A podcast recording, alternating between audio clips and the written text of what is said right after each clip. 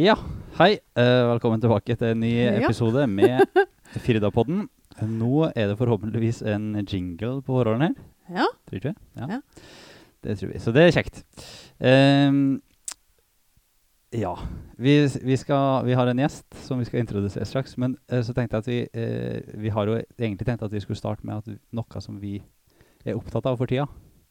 Og da tenkte jeg at vi kunne bare starte helt kort, siden vi begge har vært, eller alle tre har vært og sett film i går. ja.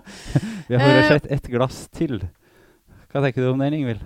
Eh, jo, altså Se kort om filmen først, da. Ja, kort om filmen. Den, eh, det er altså om fire danske lærere som, eh, som eh, ja, møter litt motbør. Ting er litt Ja.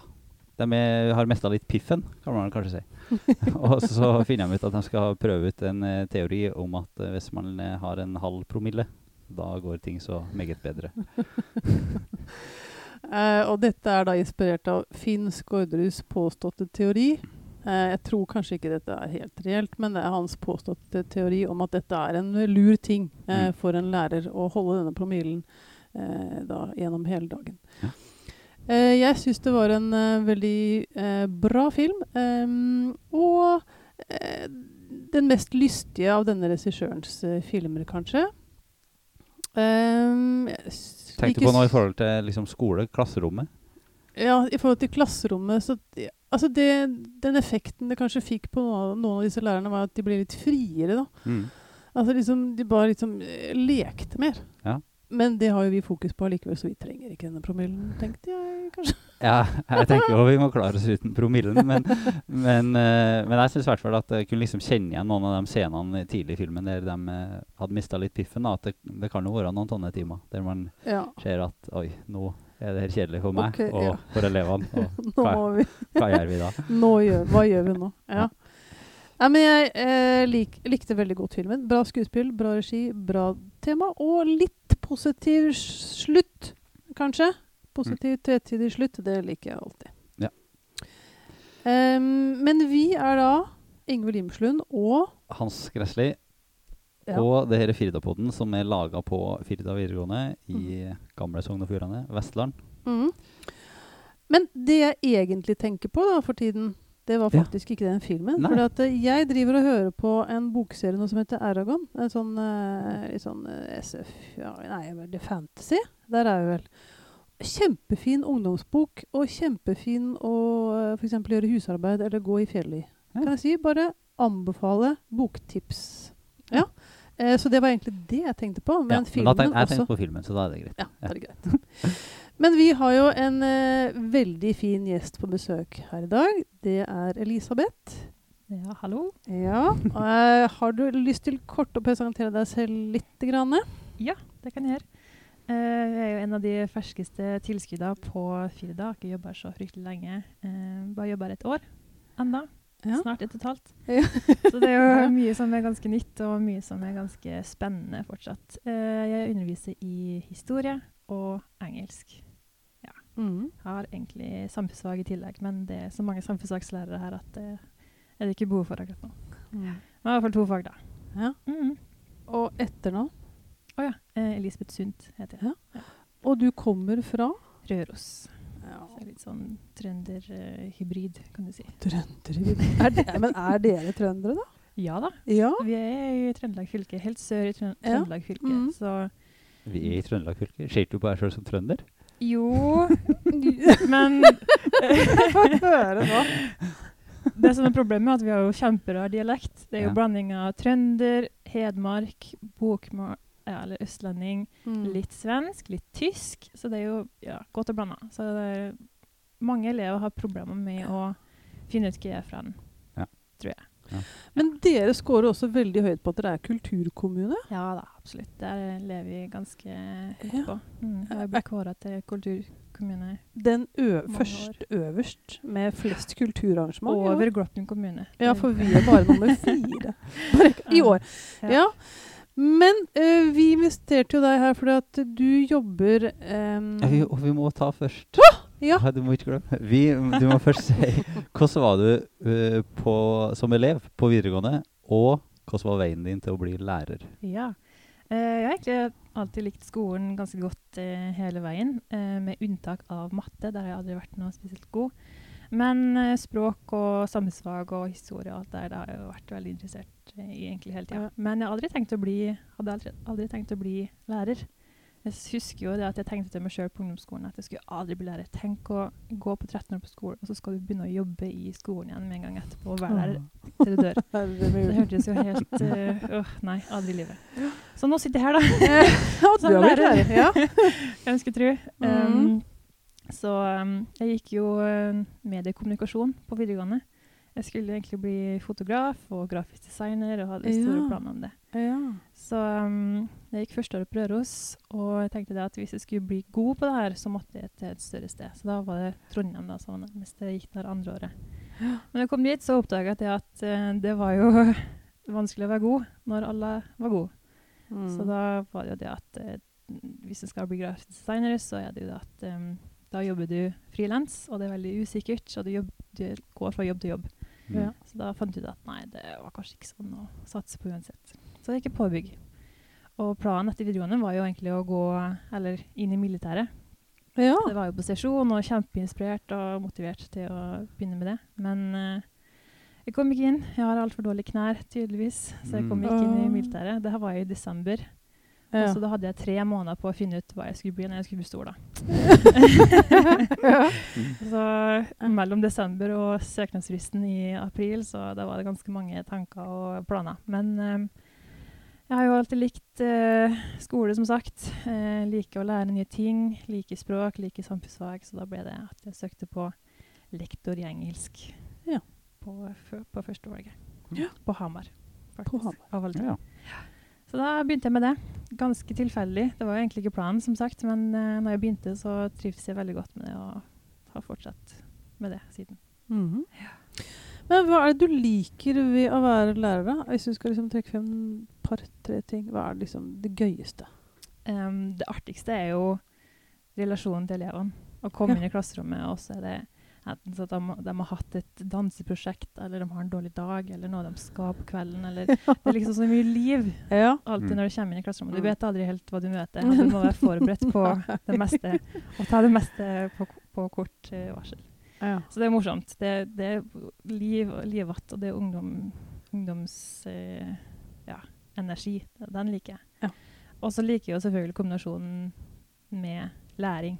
Av det at læring konstant skjer. Og det gjør jo både på meg personlig, men òg at du ser at læring skjer hos elevene. Det er Mm. veldig motiverende og inspirerende Mm. å se den framgangen og, og um, Mm. at ting skjer.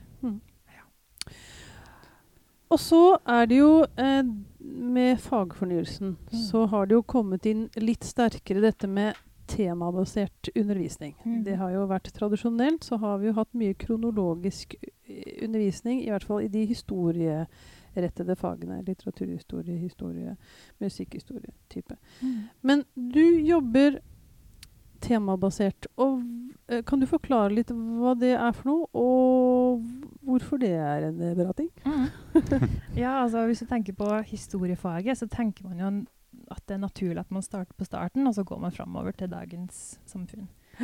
Men um, den andre måten å gjøre det på, er jo å jobbe temabasert. Så Ja. i stedet for å starte på starten og gå framover, så tar du for deg ett tema, går inn i dybden på det fra start til slutt, og så neste tema så starter du på en måte litt på starten igjen.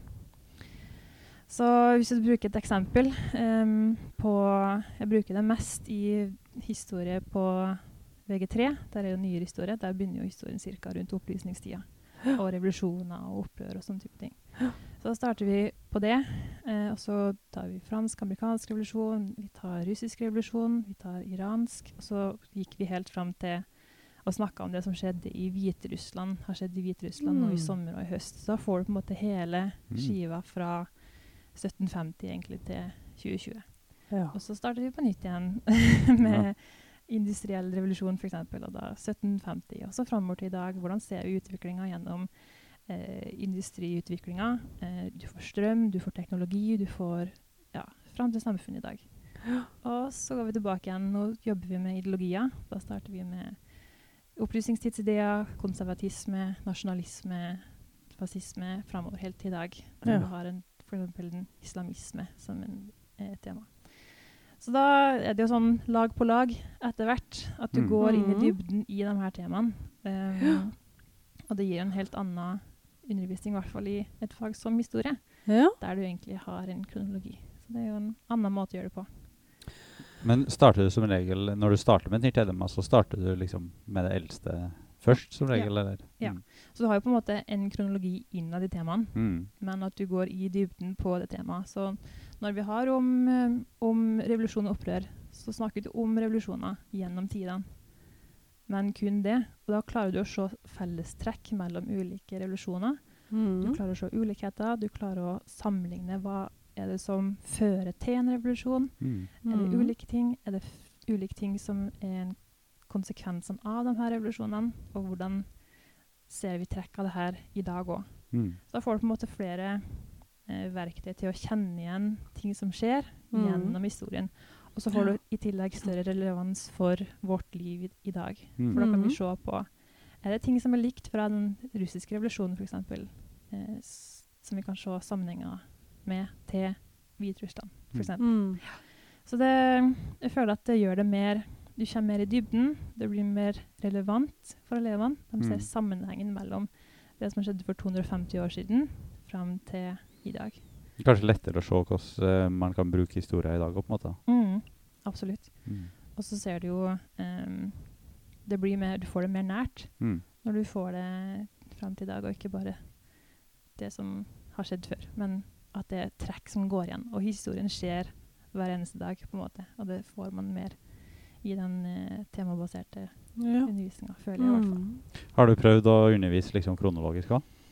Um, ikke i VG3. Vi gjør det litt mer kronologisk i VG2, for der er det jo eldre historie. Der Mm. begynner du jo um, med de første sivilisasjonene, antikken, sånn type ting. Så der er det på en måte ikke tema på samme måte. Mm. For der har du at eh, utvikling i ett samfunn fører til utvikling i et annet. Så det blir Mm. på en måte litt annerledes. Så der er det mer kronologisk. Men kunne man egentlig ha slått For det er vel egentlig ett fag, ikke Andre og tredje klasse? Det vel, eller kan det komme på eksamen etter? Nei, det er ett fag. Så kunne man egentlig ha gjort det både i andre og tredje? Absolutt. Og Men da er kanskje ehm, litt avhengig av at samme lærer får ha Ja. den. Absolutt. Så du får samme, samme teknikk eh, på begge. Ja. Nå er det første året jeg underviser i eldre historie, så det er jo litt skummelt å skulle starte med temabasert. Så kanskje neste år at jeg prøver litt samme, at du f.eks. tar for deg religion som et tema, Mm. eh, teknologi som et tema. Mm. Og det her blir jo annerledes òg. Neste år så blir det jo innføring av nye timeplaner i historie. Så der har du jo Mm. mer tverrfaglige eh, fokus på f.eks. natur og bærekraft. Det blir jo et veldig viktig tema. Hvordan har naturen endra seg etter menneskelig påvirkning? Og, Mm. ja. Der har du litt mer tverrfaglige tema. Ja, så du jobber med, egentlig med den gamle læreplanen nå? når Ja, det er noe, den blir jo ikke Mm. innført ny læreplan for neste år. Nei. med Siden det er andre, andre klassefag. Altså 2022, da, på Mm. VG3. Ja. Så det kjennes. Så da er det absolutt muligheter for å jobbe mer tematisk i VG2 òg.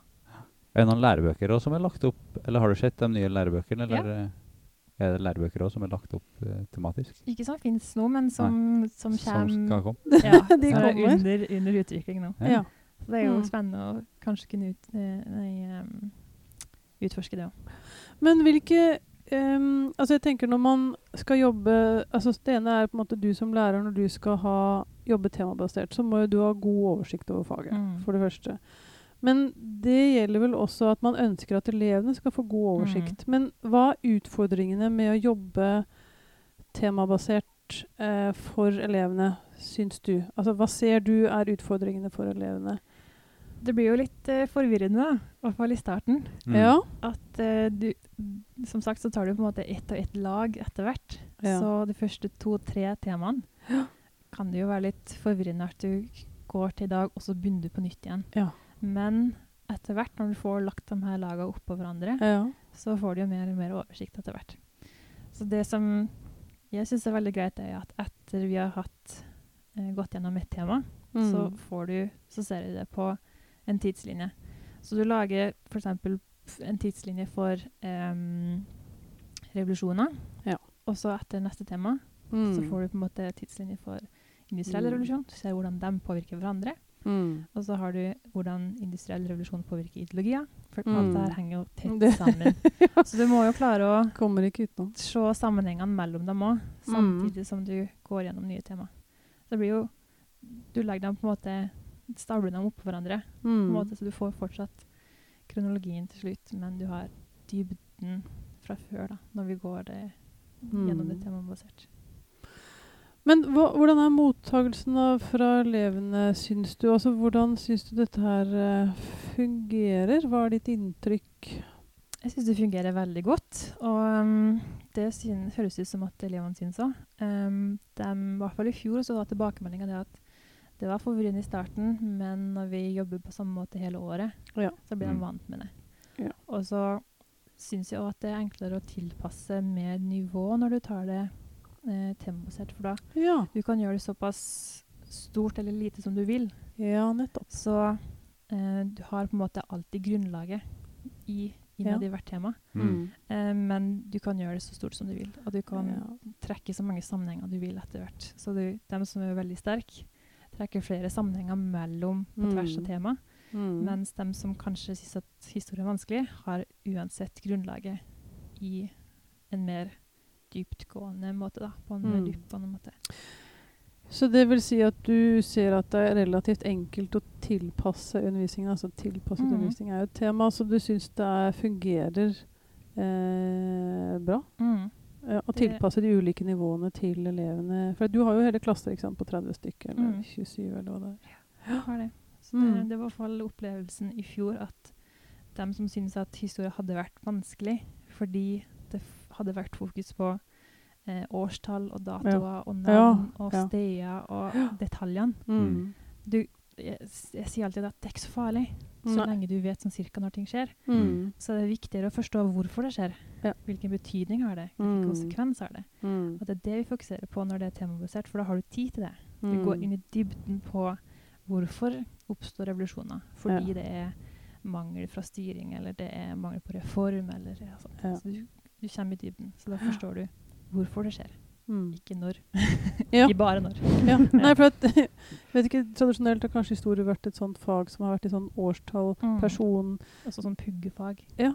Men, det er jo- her går det på Du er ute etter forståelse. mm. Ja. Og da blir det jo dybdelæring, og Ja. det er noe som vi nå er opptatt av også. Mm. Nei, det Eh. høres, jo, det høres jo veldig mye kjekkere ut. Jeg har, jeg har jo e- egentlig historie som fag sjøl, men jeg har ikke Mm. undervist i det på noen år nå. Men uh, da har jeg jo jobba kronologisk. Mm. Men det høres jo Mm. mye kjekkere ut for ens egen del òg, å jobbe tematisk. Ja, absolutt. Det, og bare det å starte året med Nå skal jeg ha om revolusjon i seks uker, så blir folk sånn Oi, kult! Så det, i, I stedet for å begynne å jobbe med eh, Montesquieu, holdt jeg på å si, I, alt, helt i starten. Så- Men eh, apropos revolusjon, kan ikke du bare fortelle helt kort, for at jeg, jeg kom ut i gangen her eh, det, var vel i, det var vel i høst, var ikke det? Ja. Dere har hatt noen revolusjoner? Ja Ja. Og da var det plutselig en revolusjon ute i Ja, i i gangen. gangen. ja, i Ja, Hva var det? Ja, nei, det er morsomt. Det er et type Ja. um, rollespill der vi rett og slett setter i gang en revolusjon i klassen. Og det er jo bare for å få en mer praktisk uh, forståelse av, av hvordan det kan fungere. Så i starten av dagen, da har vi jo gjerne hatt om revolusjonene noen uker fra før. Mm. Og så um, i starten av dagen så får de utdelt en konvolutt eh, med navnet sitt på, altså alle elevene. Mm. Um, og så får de beskjed om at ikke åpne den ennå, må skape litt stemning. Eh, og så forklarer jeg litt at i dag skal vi starte en revolusjon.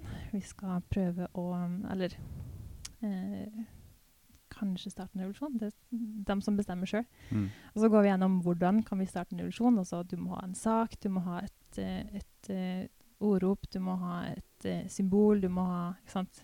Mm. Eh, sånne ting som man trenger. og så får de beskjed om å åpne konvolutten, og da har de en rolle.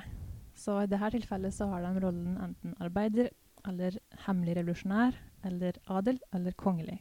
Mm. Og så er det to stykker som er konge, fire som adel, eh, fire som revolusjonær, og resten er arbeidere. Så da får de beskjed om å dele seg. Så kongen og adelen får et klasserom for seg sjøl, og de får mye mer frihet enn arbeiderne. Arbeiderne skal diskutere sine arbeidsvilkår og finne ut om de har lyst til å starte en revolusjon. Mm. Så i år så endte det jo faktisk opp med å bli en revolusjon. I fjor Mm. så ble de enige. Mellom, Forhandlingene gikk bra mellom Madel og, og arbeidere. Men i år ble det en revolusjon. Ja. Fordi, kanskje mye fordi jeg inviterte Jørgen til å være Lenin.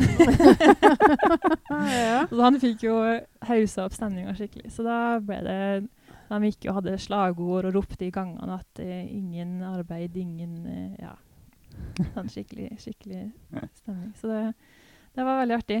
Og um, det, det som var morsomt, var jo å se forskjellen mellom rommet der Adam satt, og der arbeiderne var. For arbeiderne de var inne i diskusjonen. De diskuterte arbeidsvilkår, lønn. Eh, skulle de starte streik? Skulle de, sant? Og så oppe i adelen og kongelig-rommet så satt de og klipte krona. det var veldig stor forskjell på stemninga mellom de to, eh, to rommene. Og det gjenspeiler jo litt situasjonen. og- Ok. Så da ble det revolusjon. Det var veldig Da ble det revolusjon. Mm. Ja, det er bra. Men jeg tenkte en ting som uh, For det er jo sånn at eh, når vi underviser i et fag, så er vi jo liksom uh, bundet av eh, eh, Jeg vet ikke, bundet av forventninger, eller bundet av fagtradisjoner, kanskje. Mm. Eller Ja. hvordan fag er lagt opp. Og det tenker jeg jo at det, det er jo det som kanskje har vært litt med historiefaget òg. At, eh, at det har liksom tradisjonelt så har man alltid starta med den eldste historia, og så jobba seg kronologisk Mm. framover. Eh, men jeg tenker at det her er jo egentlig noe som kan overføres til andre fag òg. Ja, det å jobbe temabasert. Nei, ikke nødvendigvis temabasert, men det at vi er bundet av noen eh, tradisjoner som kanskje ikke nødvendigvis eh, vi kan grunngi sånn pedagogisk. At, at det kanskje eh, i en del situasjoner kunne vært bedre å jobbe angrepet faget annerledes enn det vi Ja. alltid har gjort, eller enn det som liksom er tradisjonen i faget. Mm. Sånn som i, i geografifaget, så er det veldig sånn Der eh, er alle lærebøker i dag, i Mm. hvert fall alle som hørte forrige, før fagfornyelsen. Ja. Eh, er, men eh, egentlig alle etter alle de nye nå, så er det liksom at det er naturgeografi først, og så er det samfunnsgeografi. Ja. Og hvis du gjør noe annet, så reagerer lærere på det. Mm. ja, nettopp. Men eh, du har jo nettopp skrevet en bok. Så hva Ja. valgte dere i deres bok, da? Nei, ja, da, da er vi jo Da tør vi jo ikke å gå helt bort ifra det. Nei, det. Men det. vi har et tema først som vi tenker at binder sammen natur- og samfunnsgeografi. Ah, Men ja. uh, av de få tilbakemeldingene jeg har fått av folk som bruker boka, så er jo det ene det at det er litt rart å starte med arealplanlegging, eller are- arealbruk. Fordi at, eh, men tanken vår var jo at det liksom omfavner både natur- og samfunnsgeografien. Da, og viser liksom at det ikke er to separate deler i faget, men at det henger sammen. Ja, men Det er jo interessant da, at du, som når du skal skrive lærebok, så er det ikke bare sånn at du kan bare Å ja, men da gjør vi sånn og sånn. Ja, vi kan gjøre sånn og sånn. Altså alle muligheter, på en måte. Men Mm. dere føler en sånn slags respekt, eller en slags Dere må ta, dere må ta hensyn til lærerstanden. Altså Ja. de som Ja. underviser faget. Ja, ja. Og det følte dere at det var litt begrensende, da, på en måte, eller? Ja, eller begrensende. Det er jo litt sånn det er, da, vil jeg tenke, når man skal lage noe som man skal selge på markedet. Så må man jo Ja. tilpasse litt til dem som- som skal dem som skal sørge for at det kjøpes Ja. inn. Nei, men jeg tenker sånn generelt i, i mange fag da, at man kanskje er litt sånn bundet av hvordan det alltid har vært, og at man kanskje kan være flinkere til å løsrive seg eller tenke litt sjøl. Mm. Gjøre litt uh, nye ting. Mm. Ja, det er nok sunt egentlig uansett om du har jobba i ett år eller 30 år, at du bare Mm. å tenke litt annerledes og prøve å tilpasse tidene og endringene som skjer, og alltid ha det i bakhodet at det skal være relevant, og det skal være eh, kjekt for elevene. Mm. Selv om du syns det fungerer godt, så kan det være sunt å, å rykke opp røttene litt, kanskje. Ja, ja, for det tenker jeg litt sånn i forhold til det vi så på filmen i går, at de lærerne Mm. i starten av filmen der, så var jo litt av problemet deres kanskje at de hadde gjort det samme som de hadde gjort de siste Mm. 10-20 årene, det og så det har funka før, og så Ja. Og nå funka det rett og slett ikke så bra lenger. Nei. Nei. Så kanskje vi må liksom torse og ja, prøve Mm. ut litt nye ting og se om det Mm. Mm. funker. Så kanskje jeg må begynne å servere vodka i historieundervisninga når vi skal ha revolusjon? Hvis vi skal lære noe fra filmen. Ja, den russiske revolusjonen, da tror jeg at da er det på tide. ja. Men um, Elisabeth, du underviser jo også i engelsk. Jobber du tematisk der, eller uh, hvordan gjør du det der? Ja, det er jo lagt opp litt mer uh, tematisk. I år så har vi faktisk ingen lærebok i engelsk pga. fagfornyelsen, så Ja. vi bare prøver litt um, Ja. Sy litt sammen sjøl. Og det er jo Engelsk er et fag der du gjerne må uh, oppdatere Eller holde deg oppdatert på det som skjer ute i verden. Mm. Akkurat nå så er det jo valg i Mm. USA, og mye fokus på det. Så da kan du ikke bruke læreboka som tar for seg valget i 2008, på en måte. sant? Det, Nei. Det da er må ikke du så aktuelt. alltid oppdatere og Mm. holde det eh, Mm. relevant. Så det, der eh, har vi um, ikke noe eh, bok, som sagt, så der er det litt opp til hver enkelt hva vi vil gjøre. Hvordan hvordan er det, da, å ikke ha bok? Ehm, noen ganger så er det utfordrende, Mm. fordi det er jo enkelte ting som alltid er eh, kjekt å ha både for oss lærere og for elevene. Så for eksempel nå så snakker vi om retorikk i eh, de debattene som har vært de siste par ukene mellom presidentkandidatene. Det er jo interessant nok. Ja. Ja. Mye, mye å ta av. Ja, Um, det vil jeg tro. men det om retorikk, det er Mm. jo ikke forandra. Så der bruker vi eh, stoff fra en bok um, som kom nå i, i høst. Men det er ikke en bok som elevene har. Så der, Mm. der låner vi litt. Eh, så innimellom så låner man. Men Mm. man er jo avhengig av å finne oppdaterte nyhetsartikler, eller ja, se på debatt, eller eh, Mm. tilpasse seg det som skjer ute i verden.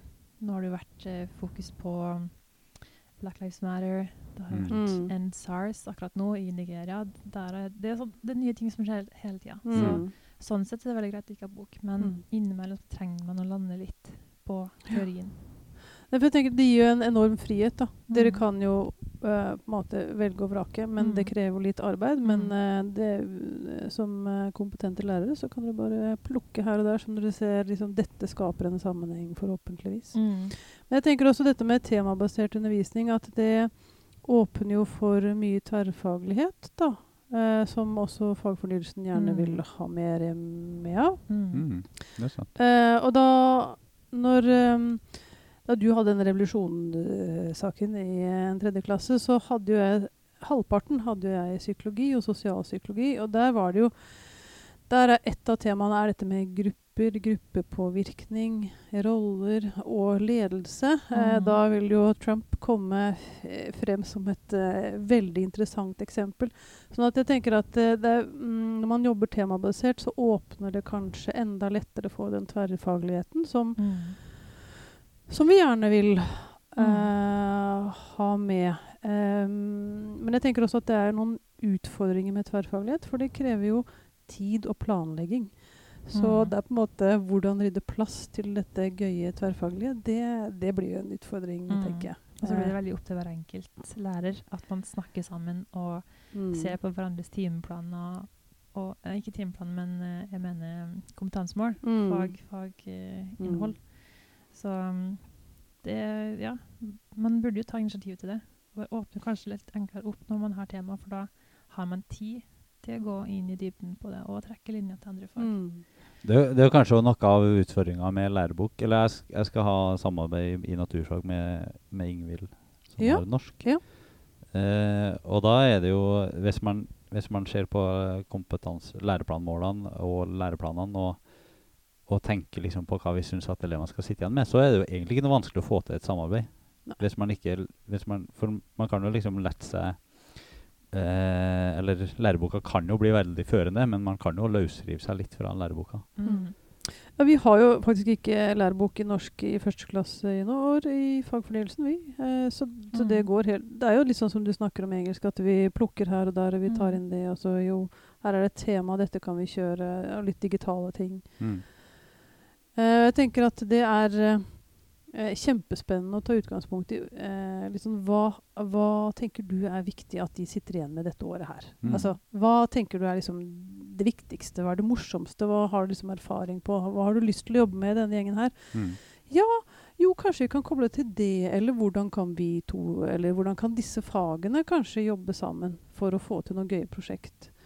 Og så tenker jeg også dette med tverrfaglighet, at det ikke bare blir tilfeldigvis at eh, ja, at to-tre lærere ja, de jobber bra sammen, de har bra kjemi, da blir det prosjekter. Mm. Men at det blir litt mer eh, Altså at det legges rammer for eh, større tverrfaglighet som kan også da brukes til neste år, og Mm. eventuelt til neste år der igjen. Og at man kan bygge på det, og at det ikke blir disse tilfeldige samarbeidene. Det tenker jeg Mm. også er en, hadde vært en fordel da, for elever og lærere. Mm. Mm. Jeg har tenkt på ofte at spesielt som ny lærer at du kjenner ikke til andre lærere sine fag så veldig godt. Nei. Så det å skulle kunne ha en dag der vi forklarer våre fag Altså si at du har fem minutter. Ti minutter. Ja. Der du forklarer ditt fag, Ja. ulike ting man går gjennom, gjerne temabasert. Eh, så kan du tenke oi, kult, da skal de ha om eh, eh, om eh, ol olympiaden i, i idrett, f.eks. Da kan Ja. du trekke det inn til antikken. Ja. Sånn, Så at, Mm. oi, at du får noen sånne innsikter i andre fag, Ja. så du kan Mm. trekke linjene litt enklere. Mm.